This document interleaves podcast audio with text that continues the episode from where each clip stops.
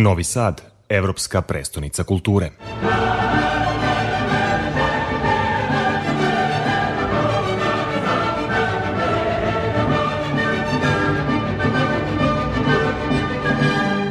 Prvu nedelju tvrđave mira obeležit će izlaganje svetskih eksperata i intelektualaca, poput dobitnice Pulicerove nagrade, fotoreporterke Marise Roth, ali i prvo izvođenje druge Malerove simfonije u Novom Sadu. Pod dirigenskom palicom Aleksandra Markovića, Vojvođanski simfonijski orkestar će na koncertu Vaskrsnuće po Maleru napraviti najbolju vertiru za umetničke spektakle koji slede, kao što je Beethoven Maraton. Dana 26. juna u gradskoj koncertnoj dvorani i na Petovaradinskoj tvrđavi više od 200 članova Beogradske i Dortmundske filharmonije izvešće devet Beethovenovih simfonija pod dirigenskom palicom dortmundskog šefa dirigenta Gabriela Felca. Jedan od najznačajnijih reditelja u regionu, Haris Pašović, prvi put u Srpskom narodnom pozorištu postavit će Mefista. Premijera je planirana za 12. jul.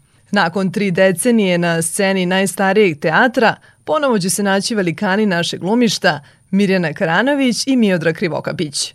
U podeli je još 40 dramskih umetnika, među kojima su prvakinja drame tog teatra, Gordana Đurđević-Dimić i mladi Aljoša Đidić u naslovnoj ulozi.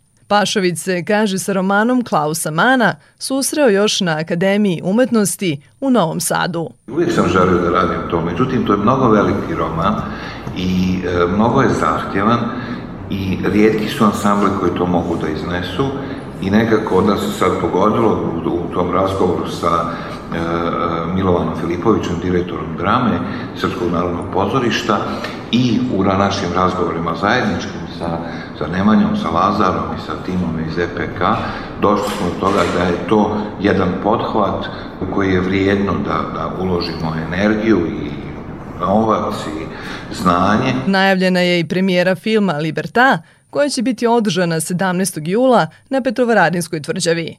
Prvi put u istoriji Novi Sad dobija filmsku sagu koja govori o nastanku i rađanju grada, kao i odnosima koji su pritom utvrđeni među stanovnicima, a ostali su model ponašanja i danas, a to su zajedništvo, suživot i tolerancija – objašnjava reditelj i scenarista Žanko Tomić. Nakon šest godina priprema, istraživanja, sklapanja produkcije, smo u prilici da najavimo da će definitivno se desiti premijera filma Liberta Rađane grada, autora Gvozdana Đurića i moje malenkosti, sa velikom glumačkom ekipom.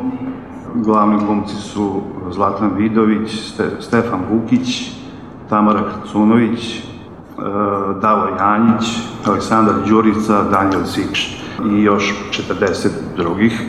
Teško se ovako veliki projekti u pozorištu i u i u filmu uh, produciraju. Jedinstven koncept Tvrđave mira, Fondacija Novi Sad, Evropska prestonica kulture, počela je da razvija još pre četiri godine, kada je slika Evrope izgledala drugačije, poručuje direktor Nemanja Milenković. Zašto ovaj projekat počinjemo upravo sa stradanjem?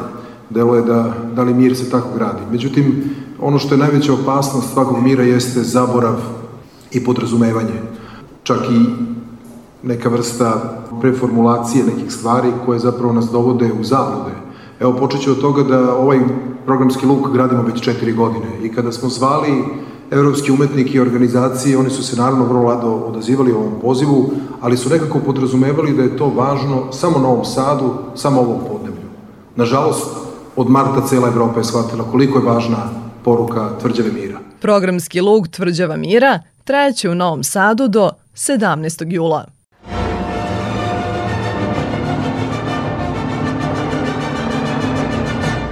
Novi Sad, evropska prestonica kulture.